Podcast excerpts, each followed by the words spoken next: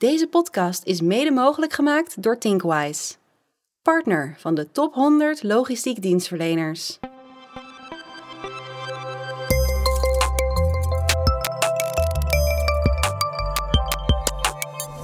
Data-driven zijn bedrijven in de logistiek? Uit diverse onderzoeken blijkt dat verladers en vervoerders echt wel bereid zijn om te investeren in ICT om de logistieke processen te verbeteren.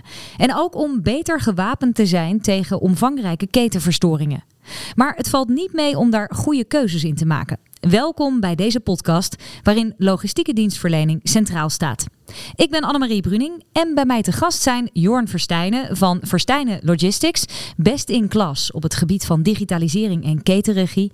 En vorig jaar op plek 47 in de top 100 logistiek dienstverleners. Jorn, welkom. Ja, dankjewel. Hij komt er ook alweer aan, hè, die top 100. Waar, waar mik je dit jaar op? Ja, dat is een lastige vraag. Maar ik, ik vind alles een beetje in de richting van vorig jaar is prima. Alles in de richting van vorig jaar is prima.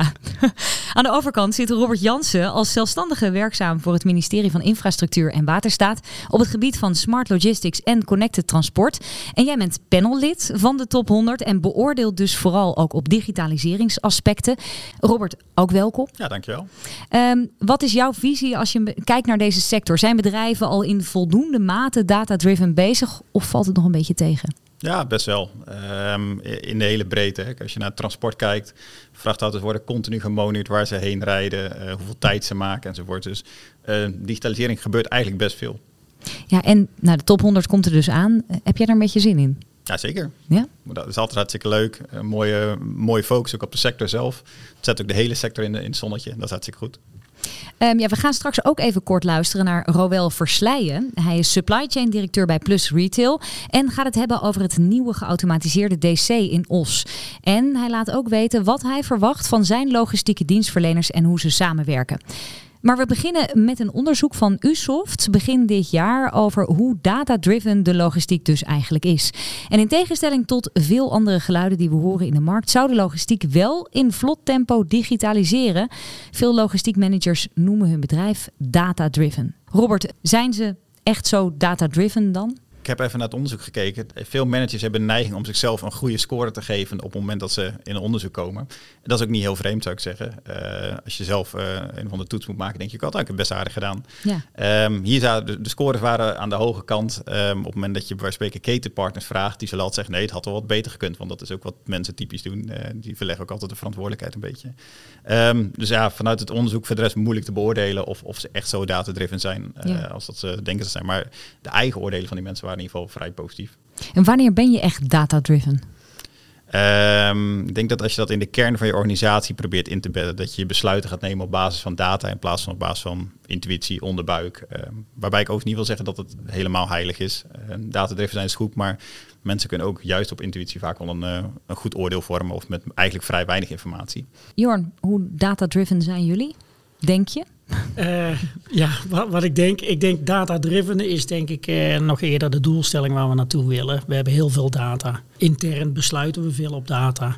Maar we zijn er tot de conclusie gekomen dat de datasnelheid en de data-accuraatheid, uh, zeker die data die wij krijgen van klanten, is nog niet afdoende om dat te automatiseren. dus dat is wel erg jammer. Dus, ja, dus je hebt nog niet helemaal de gelegenheid om enorm data-driven te zijn dan? Niet nou, zo als je zou willen? We digitaliseren volop. Dus er, er, komt steeds meer data. Maar we komen ook tot de conclusie dat de data niet altijd uh, is uh, wat het zou moeten zijn. En dan neem je de verkeerde beslissing ja. als je daar geen mensen naar laat kijken. Dus het is belangrijk dat die data inderdaad wel eerst voor elkaar is. Voordat je ermee aan de slag kan natuurlijk. Ja, ja. ja voorbeelden alom. Ja, en, uh, Robert, wat doen logistiek dienstverleners eigenlijk goed op dit gebied? Eigenlijk van alles. Wat ik zelf leuk vond vorig jaar in de top 100 logistieke dienstverleners was um, dat ook steeds meer transportbedrijven bijvoorbeeld focussen op het gebruik van, uh, van API's. Dus zeg maar echt koppelingen met andere bedrijven leggen en dan mekaars data kunnen gebruiken in eigen systemen. Um, het basisniveau wat je ziet, is bijvoorbeeld dat bedrijven allemaal communicatieplatformen gebruiken tegenwoordig van Microsoft Teams en dat soort zaken, waarmee ze kunnen communiceren met uh, de andere collega's, met de chauffeurs enzovoort. Dat zie je steeds meer gebeuren en um, er begint steeds meer een soort van visie te komen of een, een stukje beleid dat ja, partijen echt vooral de data uit gaan wisselen, zeg maar, onderling en daar steeds meer gebruik van maken. En als je nou kijkt naar deze sector, wat zijn dingen die je naar jouw idee echt al wel moet hebben nu in dit tijdperk, als je het hebt over die data? Waar, waar moet je echt al gebruik van maken? Uh, ik zou zeggen dat je, als je een transportbedrijf bent, dan, dan zorg je dat je boordcomputers hebt, dat je je voertuigen real-time kunt volgen. Dat zijn soort van minimale dingen. Je ziet ook een aantal andere leuke dingen wel aankomen die nog niet echt opstijgen. Bijvoorbeeld als je naar de digitale vrachtbrief kijkt, dat zou ik zeggen, dat is ook een stuk oplossing wat best wel interessant is, maar dat komt totaal nog niet van de grond af. Sommige dingen beginnen hard te gaan en andere dingen blijven nog heel erg hangen, terwijl daar juist heel veel mogelijkheden zouden zitten. Toevallig zijn wij drukdoende met de digitale vrachtbrief voor internationaal transport best wel lastig. Wat wij interessant vinden is dat je de IOD en de POD dan automatisch hebt. En ik hoef daarna de vrachtbrief niet in te scannen in Scansys om de PDF weer bij de klant te krijgen. Wat wij doen met de ECMR, wat, wat vernieuwend is. Uh, wij zijn nou een QR-code aan het ontwikkelen dat wij een QR-code aan een onderaannemer kunnen geven. En dan krijgt hij gelijk toegang tot die ECMR. Dus dat we het niet alleen doen voor onze eigen auto's, maar dat we het ook kunnen doen voor onderaannemers. En dat bestaat nog niet. Ja. Dus dat zijn we met, uh, eh, een tweetal bedrijven Mag je namen noemen? Is dat toch wel toch of niet? Nou, een tweetal bedrijven zijn we nog wel. Een, tweetal bedrijven ben je daarmee bezig. Goeie teaser dit. Maar is er bijvoorbeeld ook bepaalde data waarvan je zegt, eh, buiten de digitale vrachtbrief, die nog meer interessant zou kunnen zijn, waarvan je denkt, nou dit is echt iets wat er ook binnenkort misschien wel aan gaat komen? Gebeurt nog weinig mee, maar er wordt steeds meer data uit voertuigen ingewonnen. Echt het, het, de, het motormanagement data, ook de ongevalregistratie. Ik vrachtauto's hebben allerlei sensoren aan boord die continu meten van, oh, ik heb een hele harde remming gemaakt of uh, ik, ik ben uitgeweken, uitgeweken voor een of ander voertuig. Ja. Daar wordt nu nog niet zoveel mee aan gedaan, maar daar zou je bijvoorbeeld ook bijvoorbeeld weginrichting een stuk van, van kunnen verbeteren. Of als vrachtauto's structureel ergens in de, in de remmen moeten omdat er een lastige bocht zit, kun je dat soort data bijvoorbeeld ook vanuit als overheden veel meer gaan gebruiken. De weg aanpassen voor de vrachtwagen eigenlijk. Ja, of in ieder geval weten dat dat een potentieel gevaarlijke eh, situatie is. Dus een, een soort van ja, incident, een hotspot zou je kunnen zeggen. Dat soort data wordt nu beperkt gebruikt. Die data is wel, wordt in het voertuig gebruikt, bijvoorbeeld om een noodremming te maken als er echt iets aan de hand is. Maar ja, dan heb je die noodremming. Vervolgens is er niemand die die data bij spreken uit het voertuig haalt en zegt van hé, hey, laten we eens kijken of we daar vanuit de wegbeheerders bijvoorbeeld iets aan kunnen veranderen aan die situatie, waardoor de situatie veiliger wordt. Kunt er ook aan denken, bijvoorbeeld in steden gebeuren best veel ongelukken met, met, met de dode hoek, zeg maar. Heel veel vrachters hebben tegenwoordig een, een soort van dode hoekverklikker. Maar die data wordt dan nog niet collectief ergens op landsniveau gebruikt om te zeggen, oh nou, bijvoorbeeld die afslag in Rotterdam, daar gaat het structureel of gemiddeld vaker mis dan op andere plekken. Misschien moeten we daar de weg of de verkeerssituatie aanpassen, veiliger maken. Maar ik hoor hier dus echt ook heel veel nou, verschillende samenwerkingen, linken in die je kunt maken. Je kunt er heel ver in gaan. Mhm. Ik kan me ook voorstellen dat er bedrijven zijn die denken, ja, maar alles kan, dus waar begin ik? Ja, dat is momenteel ook, uh, ook, ook gaande. Ik had van tevoren met Jorn uh, even een gesprekje en we hadden allebei de constatering van er loopt momenteel zoveel aan dataprojecten en er wordt zoveel geld ook vanuit bijvoorbeeld Europa het digitaliseringsonderwerp ingepompt dat, dat mensen zijn soms ook wel een beetje los van wat gebeurt er allemaal. Het is moeilijk om het overzicht te houden. Ja, maar welke keuzes moet je daarin dan maken? Hoe uh, kun je dat als logistiek dienstverlener nou goed doen? Ik, het is een mooie, voor mij een hele mooie vraag voor Jorn. Van waar, waar kies je als bedrijf uh, voor? Ja. ja. als bedrijf kijken wij doorgaans e-, eerst, eerst naar onze relaties. Dus, dus uh, ja, je, je hebt een meerjarenplan en dan ga je helemaal terug. En dan komen, daar, uh, dan komen daar zaken uit. En dan maken we dan keuzes in. Maar wat voor, wat voor een data bijvoorbeeld, waar, waar zijn jullie begonnen als je op dit, naar dit onderwerp kijkt? Het allerbelangrijkste voor ons, dat is denk, ik de backbone, is dat wij uh, alle informatiestromen zelf beheren in de groep. Dus wij kopen IT in uh, op basis van best of breed off the shelf. Uh, dat is vooralsnog prima houdbaar. Maar de linkjes tussen al die applicaties, die hebben wij in huis ontwikkeld. op een cloud. Dus alle API's, alle, alles op het gebied van connectivity gaat langs ons. en de volgende stap is dat wij de data die langs die connectivity komt gaan vastleggen. Omdat in de toekomst, de data zit nu nog in die applicaties die wij hebben gekocht. Maar ik wil die data uh, uh, in mijn cloud hebben bij de Connectivity Hub, de ESB uh, eigenlijk. Ja. Nou hoor ik wel heel veel IT-gedreven termen ook hierin. Dus ik kan me ook voorstellen dat logistiek dienstverleners denken van ja, maar is dit nou helemaal mijn tak van sport? Waar, waar, moet, je, moet je iemand in de arm nemen hiervoor? Eh, nou, dit, dit gaan wij nooit, nooit outsourcen. Dus dit doen jullie helemaal zelf? mij niet te bellen voor connectivity. doen we lekker zelf. maar waarom, waarom doe je dat zelf? Waarom vind je dat zo belangrijk? Uh, degene die de API heeft, zeg maar, is het belangrijkste in de keten. Ja. Dus, Dus, kortom, dus voor een onze, onze, ketenregiepartijen maken wij één API met een beursgenoteerde partij. Daarna verzorgen wij alle verbindingen met iedereen in die keten. Ja. Eh, en vroeger was dat EDI en nu is dat API. Maar nu zitten die data nog eh, in een TMS of in een boordcomputer. En alles zit straks, komt langs die API terug.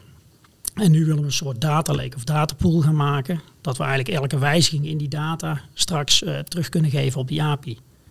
Is, is dat te complex? Of ja, dat vind ik wel vrij complex dit hoor. Dus, Nou, Kun, je dit, ja, kun jij dit eens makkelijker uitleggen, Robert? Nou, alle bedrijven hebben databases. En Ja. eh, je wil niet dat iedereen volledig in jouw database kan kijken. Maar je kunt er wel een soort van deur of een poortje voor zetten. Ja. Waarbij je als, eh, als developer, als programmeur aangeeft van deze dingen mag je er wel uithalen op het moment dat jij eh, toegangsrechten hebt. Zeg maar. En dan geef je een subset van de data, kun je door iemand laten benaderen. Dat is eigenlijk wat een, een API of een API zou, Ja. zou kunnen doen. Ehm, dat dat voor, ja, ingewikkeld is voor partijen, dat is wel herkenbaar. Mhm. Afgelopen jaar is er ook een heel groot groeifondsvoorstel eh, begonnen, het digitale infrastructuur logistiek programma. Ehm, en daar zie je ook dat ja, een derde van het project gaat op het digital ready krijgen van de logistieke sector. Want er is gewoon nog een hele grote ontwikkelingsslag of kennisslag nodig. Dat, dat heel veel partijen in staat gaan zijn om eigenlijk te doen wat, wat, wat ze bij Jor nu al doen. Ja. Maar dat mensen ja, technisch handiger worden en dat ze niet in de war raken van alle afkortingen enzovoort. Maar dat het eigenlijk ja, bij, een beetje normaal gaat worden. Eh, dat iedereen ziet, oh, maar dat kunnen we gewoon. Ja, en dat je er dus eigenlijk ook zo technisch over kunt praten als Jorn uiteindelijk. Precies, moet dan in de nodige afkortingen kunnen. nou, ik denk dat iemand van mijn IT-afdeling al zal hebben gezegd van... Nou, dat klopt, dat klopt een beetje. Maar vind jij ook dat dan bedrijven dat heel erg dat, dat, dat die logistiek dienstverleners dat ook echt bij zichzelf moeten houden? Als je het daarover hebt, of dat, dat ze het ook prima uit handen kunnen geven? Ja, maar dat zegt ook iets over mij. Ik vind dat je ook zelf dat ik bijvoorbeeld heel veel dingen moet, moet kunnen als iemand die in de digitalisering werkt. En ik denk dat bedrijven dat ook zouden moeten kunnen. Eh, dingen die over de kern van je organisatie gaan, die, die, daar wil je zelf de controle over hebben. En ik zou ook zeggen dat je vooral zelf die, die skills en vaardigheden moet ontwikkelen. Eh, ehm, vroeger leerde iedereen fatsoenlijk Excellen. Nou, dat is tegenwoordig niet genoeg meer. Een, beetje transporteur moet aan de, aan de Power BI, om het zo maar te zeggen. Dat is een, een, analytics programma. En ehm, dat, is- dat is nu de norm. En straks gaat iedereen goed zijn in AI. Ik denk dat mijn kinderen straks eh, blind met de chat GPT's en dat soort dingen overweg kunnen. En niet, niet, niet beter weten. Nee. Nee, dus wat dat betreft, dat is gewoon weer een volgende stap, een hele logische stap. We gaan het hier straks verder over hebben, maar eerst even een kort uitstapje naar Supermarktbedrijf Plus. Bas Dijkhuizen van de redactie logistiek.nl maakte een reportage over het onlangs opgeleverde DC in Os. En hij vroeg Roel Versleijen hoe belangrijk logistiek dienstverleners nou zijn voor de food retailer.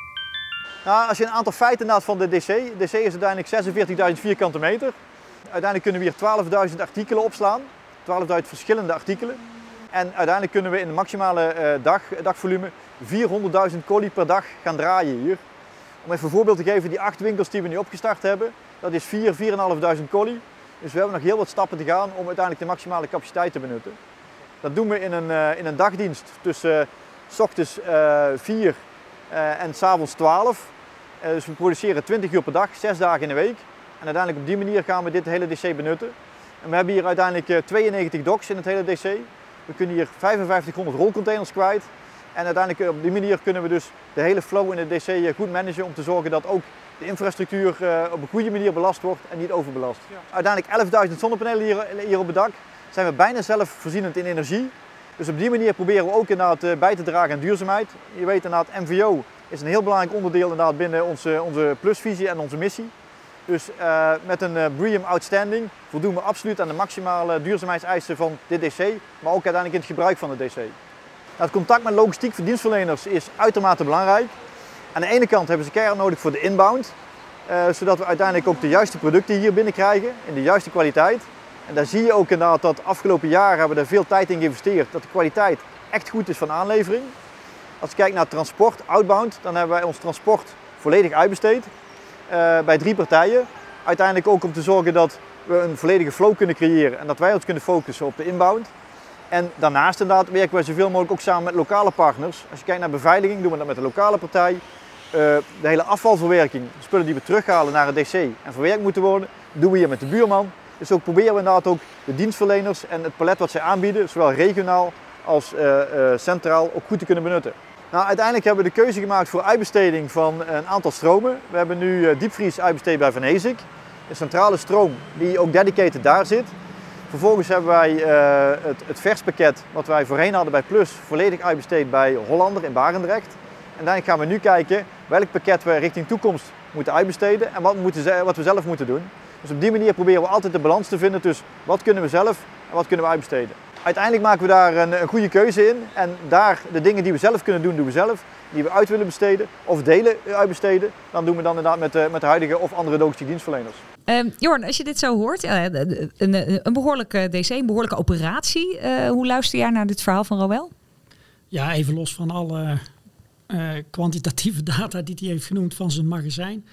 Uh, uh, ik vind het fijn om te horen dat, dat, dat een partij zeg maar, veel waarde hecht aan de logistieke dienstverleners. En, en dat die klaarblijkelijk ook ziet van je, je, moet naar lange termijn relaties om, om het steeds beter te maken. Ja, precies. Dus, dus inderdaad een belangrijk punt wat hij, wat hij nou benoemt. Robert, hoe luister jij hiernaar?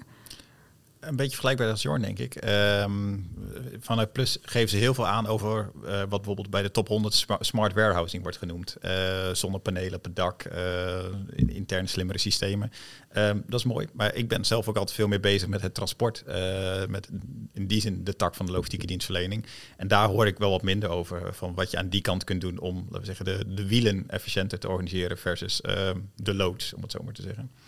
Ja, dus er moet naar jouw idee ook echt nog wat gebeuren. Nou, daar, ja, daar zullen ze misschien ook dingen voor hebben gedaan die dan nu in het audiofragment niet terugkwamen. Maar uh, daar, daar is ook zeker ruimte. Ja. ja. met name op duurzame stukjes zou ik zelf zeggen van als al die vrachtwagens geëlektrificeerd moeten worden voor het nationale verkeer. Uh, hoe gaan ze dat dan doen met die, uh, met die vervoerders? En is dat een samenwerking tussen, tussen Plus en die vervoerders? Ja. En ja, dan moet je echt wel wat vooruit Ja, ik heb nog wel wat anders wat, uh, wat verderop in het verslag ook uh, voorbij komt. Want er is een uitgebreid verslag. Dat is ook op logistiek.nl eh, verder te beluisteren of te bekijken. Um, Roel Versleij zei ook dat het zeker in een geautomatiseerde omgeving heel belangrijk is om voor de inbound goed samen te werken met logistiek dienstverleners dus. En dan vooral omdat iedereen in de keten moet voldoen aan de GS1-richtlijnen. Na het scannen van het label gebeurt namelijk alles automatisch in het Plus DC. En dat luistert heel nauw en mag niet verstoord worden, zegt hij. Nou, Jorn, nou zitten jullie niet in de foodwereld, maar klopt het dat er soms wel echt belangrijke eisen zijn aan die labels? Herken jij dat? Ja, in een geautomatiseerd magazijn zal het label uh, helemaal top moeten zijn. En hij zal waarschijnlijk ook nog op exact de juiste plek geplakt moeten worden. Dat is millimeterwerk. Uh, nou, er zullen ongetwijfeld uh, scanner, scannertjes staan ergens. Maar uh, ik denk de echte uitdaging zit bij de leverancier dan van Plus, die die label zal moeten toebrengen. En ik denk dat de vervoerder uh, het label vervoert en niet, en niet zozeer zal plakken. Ja, precies. Kun je, staat, kunnen jullie daar nog wel eh, iets mee? Denk je dat daar nog wel iets in te halen valt? Ja, ik mag de naam niet noemen, maar wij, wij zijn nu een project, zijn al een half jaar bezig voor een zeer groot bedrijf om de inkomende stroom in de controltower af te wikkelen. Die hebben veel DC's in Europa. En het probleem daarvan was, uh, outbound was perfect geregeld. Ze wisten alles. Uh, inkomend wisten ze niet welke leverancier iets had opgestuurd en wanneer zou het dan komen bij het doc. Dus gingen, het waren allemaal blind receipts, zoals we dat dan noemen. daar hebben we een portal voor gemaakt. Dus de eerste 100 leveranciers zitten erop. Dat moet er de duizend worden. En die geven dan vooraf aan, ik heb het nu verstuurd en het moet naar, naar dit DC. En, daarmee krijg je een soort docplanning. Uh, Wat voor winst kan je daarmee behalen? Nou, het magazijn ter plekke weet gewoon van dit kan ik verwachten en dit zit erin. En anders, uh, als iedereen om tien uur s ochtends komt, dan ja. is dat best wel lastig. Uh, of je, nou ja, je kan iets beter je capaciteit in je warehouse ja. indelen. Jor, nou was Verstijnen vorig jaar, ik vertelde het net al, in de top 100 logistiek dienstverleners um, op plek 47 geëindigd. Best in klas op het gebied van ketenregie. Is dat hoe, hoe ja, jullie de verlader uiteindelijk ook voor jullie winnen? Dat, dat je hen echt ontlast? Nou, dat is best wel lange traject hoor. Dus, dus echt winnen. Het, het zijn vaak gesprekken van een half jaar tot een jaar. Uh, alvorens je echt in de ketenregie wat mag doen. Ik, ik denk dat we in staat zijn om een beetje maatwerk te doen. Dus wat ik zojuist zei, is dat, dat, dat, hebben we echt moeten laten maken. Ja, ja. Omdat het heel specifiek is voor die klant. En, en de vraag is nu van eh, hoe goed kunnen we dit gaan standaardiseren? Dat wellicht ook voor een andere partij uh, interessant is. Dus ik denk dat daar het verschil in zit. Uh, uh, 90% standaard, 10% maatwerk. Ja. Verstijnen was ook best in klas op het gebied van digitalisering. Robert, weet jij nog waarom Verstijnen opviel? Ja, ik heb het opgezocht. Als je kijkt naar Verstijnen, dan waren ze al best wel ver met het gebruik van nou, die API's waar we het eerder over gehad hadden. Ze combineren een heleboel verschillende platformen. Ze gebruiken ook de, de platformen van hun klanten veel. En ik denk die, die mix van zeg maar, de moderne visibility tools, zoals dat dan heet, de, de, de ShipPO's, de key cargo's, dat soort dingen, die werden al veel gebruikt. En als je dat uh, maar vergelijkt in, bij andere partijen in de lijst, uh, dan zie je dat bijvoorbeeld minder terug. En da daarmee kwamen ze tot een, een wat hogere ranking. Uh, ook interessant was, en misschien leuk als, als Jorn daar nog wat over kan zeggen, dat ze CO2-tools gebruikten. Ik was benieuwd welke CO2-tools jullie dan gebruikten om de CO2 van jullie shipments inzichtelijk te maken. Bij 3PL-stukje is dat Big Mile, wat gelieerd is aan Lean en Green. Bij 4PL uh, gebruiken wij nog een formule die is van de TU in Eindhoven. Dus uh, nou, nou, ga ik terug in de tijd. Hè. Uh, Descartes heette vroeger Infodis, daar was ik mede-eigenaar van. Toen hebben wij een formule gekocht die daar was gemaakt. En die hebben gehangen aan de TMS database. Ik kan me voorstellen dat, dat de Big Mile ook dat stukje gaat doen in de toekomst. En waarom heb je deze keuzes hiervoor gemaakt, bijvoorbeeld? Nou, dit heeft iemand onderzocht voor het VPL-stukje. Even heeft een, heeft een student dat helemaal uitgezocht. En uh, ja. iemand zei dat tegen mij, dus mij, mij, mij maakt het niet zoveel uit. uh, eh, want ik vind de formule zelf, het gaat over als je elk jaar dezelfde formule hanteert, mm -hmm. dan is het juist het, de discrepantie tussen die uitkomsten die laat zien of je qua CO2 vooruit of achteruit gaat. Ja. Dus toch geen formule die perfect is, denk ik. En het interessante was, CO2-registratie zagen we nog heel weinig in de lijst rondom mm -hmm. digitalisering. Maar volgens mij, ik weet precies het jaartal niet meer, maar volgens mij is vanaf 2026 dat bedrijven ook moeten gaan rapporteren over een CO2-footprint vanuit een aantal uh, Europese verordeningen.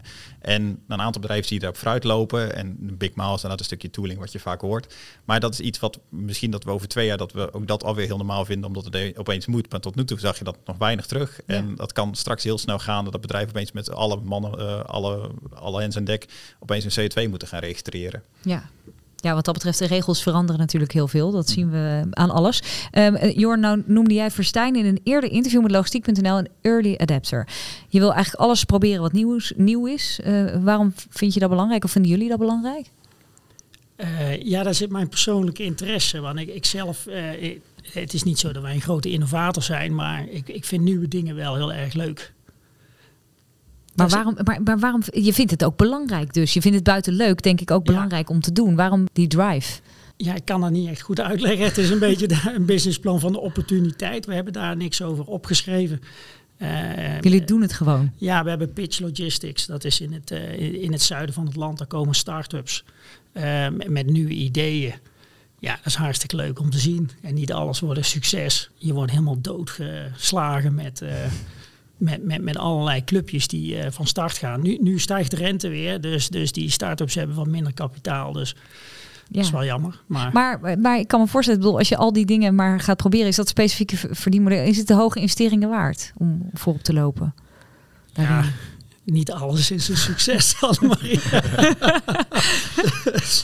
er zitten wel dingen bij. Uh, ja, ja ik, moet, uh, ik word er wel eens geremd intern, zeg ja? maar. Voordat ik, ja, ja, maar het is dan... Uh, uh, ik vind het heel snel interessant, maar als het, als het, als het mijn aandacht verslapt, dan, dan is het ook weer weg. Ja, want dan, dan wordt het automatisch ook geen succes meer natuurlijk als de aandacht verslapt. nou, ik, ik vind, voor ons is live tracking. Daar zijn we vorig jaar mee begonnen. Je hebt, mm -hmm. het, je hebt het genoemd. Uh, nou, daar hebben we best wel veel tijd en geld uh, aan besteed, ook met de relatie. En, en wij zien gewoon dat het heel lastig is om die GPS-data van andere vervoerders te krijgen in die keten. Uh, om daar iets mee te doen. Ja, hoe lang hou je het dan vol? Dus daar zijn we op zoek van, ja, dan moeten we andere manieren hebben om, om de klant te ontzorgen. Ja. Zijn er andere dingen waarvan je denkt, nou, daar, daar hebben we een investering in gedaan, daar ben ik echt trots op. Dit is echt heel fijn dat we die als eerste hebben opgepakt.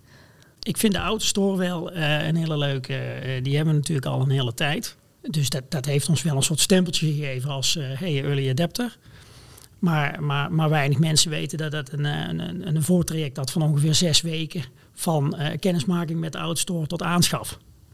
En waarom was het een succes? Wat heeft het jullie geholpen? Nou, het, het, het heeft geholpen. Het, het bedrijf is per definitie al geïnteresseerd in nieuwe dingen. Ja, in, in dit geval ook hier was niet echt weer een businessplan uh, aan de grondslag. Ja, ik kom er over als een goede ondernemer nu. Hè? Ja, Zonder businessplan. Maar, uh, Gewoon erin duiken. Uh, nee, nee, nee. Hier is een intern weten mensen dit. we, hebben, we hebben een hele mooie klant en, en, en, daar hebben we wat voor zitten rekenen. En, en, en die reeksom die klopte niet helemaal. Ja. die reeksom had ik zelf gemaakt overigens. Uh, dus dat was erg gênant. Uh, en, en uiteindelijk zeg maar, konden we die reeksom alleen maar laten kloppen als we heel ver en snel gingen automatiseren. Nou, dit was een klant die geloofde in ons en in de lange termijn. Dus die heeft het uh, contract wat verlengd. En wij hebben toen de portemonnee getrokken om vergaand te automatiseren. Ja. Daarom hebben we dat ook in zes weken kunnen doen. Ja, dat het in principe dat het zo snel gaat. En dat je het kwam dus eigenlijk ook vanuit de vraag van een klant dat je dit bent gaan doen dan. Ja, natuurlijk de vraag van een klant. Maar dat was ook gewoon een simpele noodzaak van jongens, we, moeten dit efficiënter gaan doen. En die affiniteit, uh, die helpt dan enorm. Uh, met een trouwe klant dat je dat soort stappen kunt zetten. Ja. Nou, wat Jorn zegt is ook wel leuk. Um, aan de ene kant zie je een stukje die intuïtie, uh, waar we het in het begin over hadden van moet, moet die digitalisering nou helemaal in de kern van je organisatie zitten. Maar bij hem is een stukje intuïtie en een stukje fun factor. Gewoon, het is leuk om te doen. Ja. Um, de, in de sector zie je heel vaak dat iedereen ongelooflijk van, van de business case is. Alles achter de komma uitrekenen. En dan moet alles in ieder geval in de basis wat geld opleveren. Dat kan, maar het kan ook gewoon zijn dat je wel een aantal dingen wil proberen. En ik denk dat die mix er ook daar een beetje in zit van... sommige bedrijven zullen voor alle innovaties gaan van tot achter de komma uitrekenen of dat oplevert. En anderen zullen zeggen, nou ik geloof je wel in, uh, ga met die banaan. En wat je dan ook in de sector ziet, is dat de integratie steeds sneller moeten. Um, dus zes weken, dat, dat klinkt er goed. Maar ik merk tegenwoordig ook bij veel projecten dat uh, ja, als je een koppeling kunt leggen met een bedrijf in een dag, dan ziet iedereen nog wel zitten. Maar als iedereen het gevoel heeft, nou, dit gaat maanden duren, nou, dan zijn ze alweer afgehaakt. En dat is denk ik misschien een verschil met tien jaar geleden. Dan kon je zo een half jaar uittrekken voor een paar integraties. Tegenwoordig moeten de integraties in een paar dagen of binnen een dag plaatsvinden. En het liefst nog binnen een halve dag. Ja, maar als je dit verhaal van Jorn zo hoort over, nou ja, ook in het diepe duiken en gewoon dit soort dingen gewoon aanpakken, zijn er meer succesverhalen die jij in de markt ziet uh, nou, van, van bedrijven die inderdaad gewoon echt iets uh, als, als een van de eerste hebben opgepakt en daar nu de vruchten van plukken? Nou, waar ik zelf heel enthousiast over ben, um, is, is, is, dat we steeds meer overheidsdata gaan gebruiken in de logistiek. En dus ook dat bijvoorbeeld vrachtauto's kunnen communiceren met slimme verkeerslichten, met bandenspanningsmeters. Uh, dat is een heel andere tak van sport dan dat je bij spreken ladingdata uitwisselt. Maar dat zie je nu op een gegeven moment ook aardig van de grond afkomen. Er beginnen heel veel vervoerders gebruik te maken van dat soort zeg maar, technische dienstverlening. Um, dan heb je inderdaad nodig dat voertuigen getrekt kunnen worden enzovoort. Maar je ziet best veel transporteurs daar nu op, op aardige schaal mee beginnen te, te experimenteren. En Nou ja, elke keer als een vrachtauto niet stil hoeft te staan bij een verkeerslicht, bespaart het de brandstof, bespaart het stikstof. Dus het is qua uh, maatschappelijke doelen goed. Maar elke keer als je stilstaat en je uh, gebruikt geen brandstof, bespaar je ook geld. Dus ik snap ook dat er een soort van business case onder zit. Maar je ziet dat nu opeens aardig, uh, ons, aardig snel in Nederland maar, voet aan de grond krijgen. En dat is hartstikke leuk om te zien. Ja, en zijn er ook nog andere manieren waarop je bijvoorbeeld als logistiek dienstverlener kunt onderscheiden? Zijn er nog andere dingen waar, waarvan, waar jij mee bezig bent om te zorgen dat je opvalt? Ja, ik ben er niet zo direct mee bezig om op te vallen. Uh, ik, ik, ik, ik vind het wel heel leuk om te zien dat heel veel partijen, al mijn collega's, iedereen is er druk mee doende. Dus ik, ik heb wel het idee dat we van een traditionele branchesegment, zoals een, een, leek naar ons zou kijken, dat, dat heel veel eh, van onze collega's, eh, zowel in transport en logistiek, met heel veel dingen bezig zijn. Ja, maar hoe kun je, hoe kun je onderscheiden? Nog, nog meer? Dan word je een early, early adapter. Uh, we zijn een one-way GPS-label aan het testen. Uh, ja, die, dat label kost 50 euro en dan zegt de pallet zelf waar die is. Dan sla je de hele keten over. Ja. Nou, dat is dan weer een mooi voorbeeld van zo'n business case waarvan ik zeker weet, ja, dat wordt hem niet. Dat is veel te duur. maar ik wil wel weten hoe het werkt. Ja, gewoon weer proberen inderdaad. Nou ja, misschien. Eh, ik geloof wel dat in de toekomst zou het fantastisch zijn als ja. een pallet zelf kan zeggen: uh, dit is mijn positie, dit is mijn positie. En ik heb een shocklabeltje of een sensor erop. Dan sla je alle custom service afdelingen over. Een jaar geleden had ik ook niet gedacht dat ik uh, Microsoft Bing had geïnstalleerd op mijn telefoon. Om, om voor, omwille van JetGPT. Dat, dat vind ik dan wel heel erg interessant. Ja. Nou, als je wil opvallen van uh, kan ChatGPT wat betekenen met je data en communiceren met een klant. Of het antwoord richting de klant. Ik hoor dan die radertjes blijven draaien bij Jorn, hè? Maar er zijn ook gewoon ongelooflijk veel. Het, het gaat ongelooflijk hard momenteel. Uh, dat zullen je zelf ook in de media gelezen hebben. In het afgelopen half jaar hebben we opeens kennis gemaakt met een paar van die AI-modellen die niemand ervoor nog voor mogelijk had gehouden. Je hebt nee. dat Stable Diffusion die plaatjes kan genereren uit een paar woorden tekst.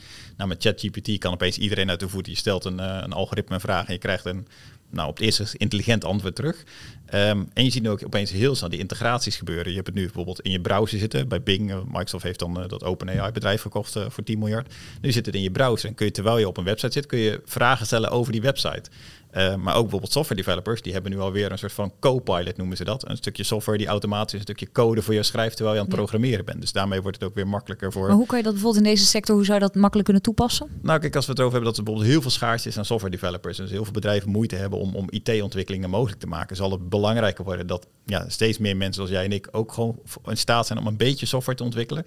Uh, en dat kan bijvoorbeeld geholpen worden door van die, ja, van die co-pilots, van die ondersteunende software die jou wat hints geeft van als je het sowieso aanpakt, dan gaat het de goede kant op. Of gewoon wat st standaard code voor je produceert. Dat klinkt misschien nog wat ver weg. Je zult jezelf niet zien misschien direct als, als programmeur. Maar op een gegeven moment iedereen heeft ook moeten wennen aan computers. Aan, aan überhaupt een e-mailtje sturen enzovoort. En, nou, en dit is de volgende stap dat we hier ook aan gaan wennen. En dat we daar allemaal met dat soort tooling overweg kunnen. Maar Robert, als ik dit zo hoor, dan is de logistieke sector ook wel echt state of the art in, in IT. Lopen echt wel voorop. Ja, er wordt heel vaak een beetje denigrerend over gedaan. Maar als je naar de sector kijkt, real-time wordt altijd gezegd als van elke business moet real-time worden. Als je naar de transportsector kijkt, is dat steeds meer zo wat we in, in, in het transport real-time noemen, is dat er elke paar minuten of elke paar seconden een, een GPS-positie wordt gelogd. Er zijn sectoren waar ze daarvan zouden kunnen dromen. In de logistiek is dat min of meer normaal. En uh, als een vrachtauto communiceert met een slim verkeerslicht, en dan elke seconde wordt er een berichtje uitgestuurd. Dat is echt state-of-the-art technologie. En daar wordt soms heel normaal over gedaan, maar dat is best wel bijzonder. Ja, het is dus eigenlijk een hele interessante sector. Ja, nee, het is enorm interessant. Dus uh, ook voor uh, alle luisteraars die niet werkzaam zijn in transportlogistiek of uh, uh, daaromheen. Ja, jongens, ga iets, doen in, ga iets doen in dit vak. Want het is zeker niet stoffig. Het is bijzonder dynamisch. En de komende 10, 20 jaar baanzekerheid.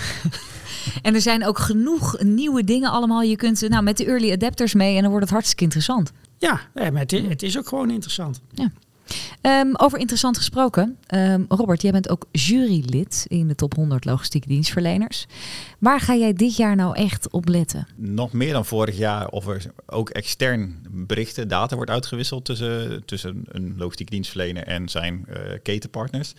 Uh, dat zag je vorig jaar al als ontwikkeling. Ik denk dat dat nog meer uh, gaat gebeuren. Real-time data-uitwisseling op basis van API's en dat soort dingen. Uh, waarvan ik ook zeker dit jaar meer verwacht, is nog meer AI-achtige implementaties. We hebben het over ChatGPT gehad en, en, al dat soort dingen. Daar verwacht ik meer van. En uh, cybersecurity. Uh, dat is een onderdeel wat vorig jaar weinig in beeld was. Maar met ook een aantal mensen zullen de, de verstoringen bij APM-terminals nog vers in het geheugen hebben zitten. een terminal die een paar weken of een paar dagen plat lag. Daar zal veel aandacht voor zijn voor cybersecurity. Ja. Gaan jullie daar hoog op scoren, Jor? Wij hebben voor cybersecurity, wij hebben uh, software van AI geïnstalleerd op alle PC's. Dus wij, zijn, wij zitten aan de preventieve kant. En, en wij testen de mensen zeg maar, met uh, nep phishing mails om te kijken of ze erop klikken.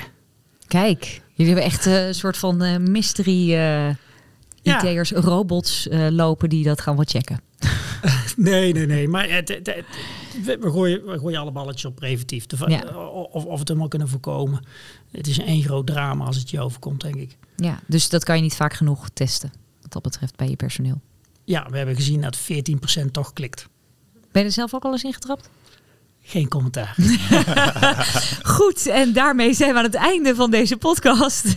Dankjewel uh, voor alle informatie die jullie hebben gegeven, de ervaringen die jullie wilden delen. Robert Jansen en Jorn Verstijnen. Meer afleveringen in deze serie podcast van logistiek.nl komt u de komende tijd tegen op de website logistiek.nl. Natuurlijk ook in de bekende podcastplatforms. En op logistiek.nl staat ook een uitgebreide reportage van Roel Versleijen over het nieuwe geautomatiseerde DC in Os. En daar vindt u ook meer informatie over die top 100 logistiek dienstverleners van 2023. Die verschijnt op 6 juni. Dank voor het luisteren en graag tot de volgende keer.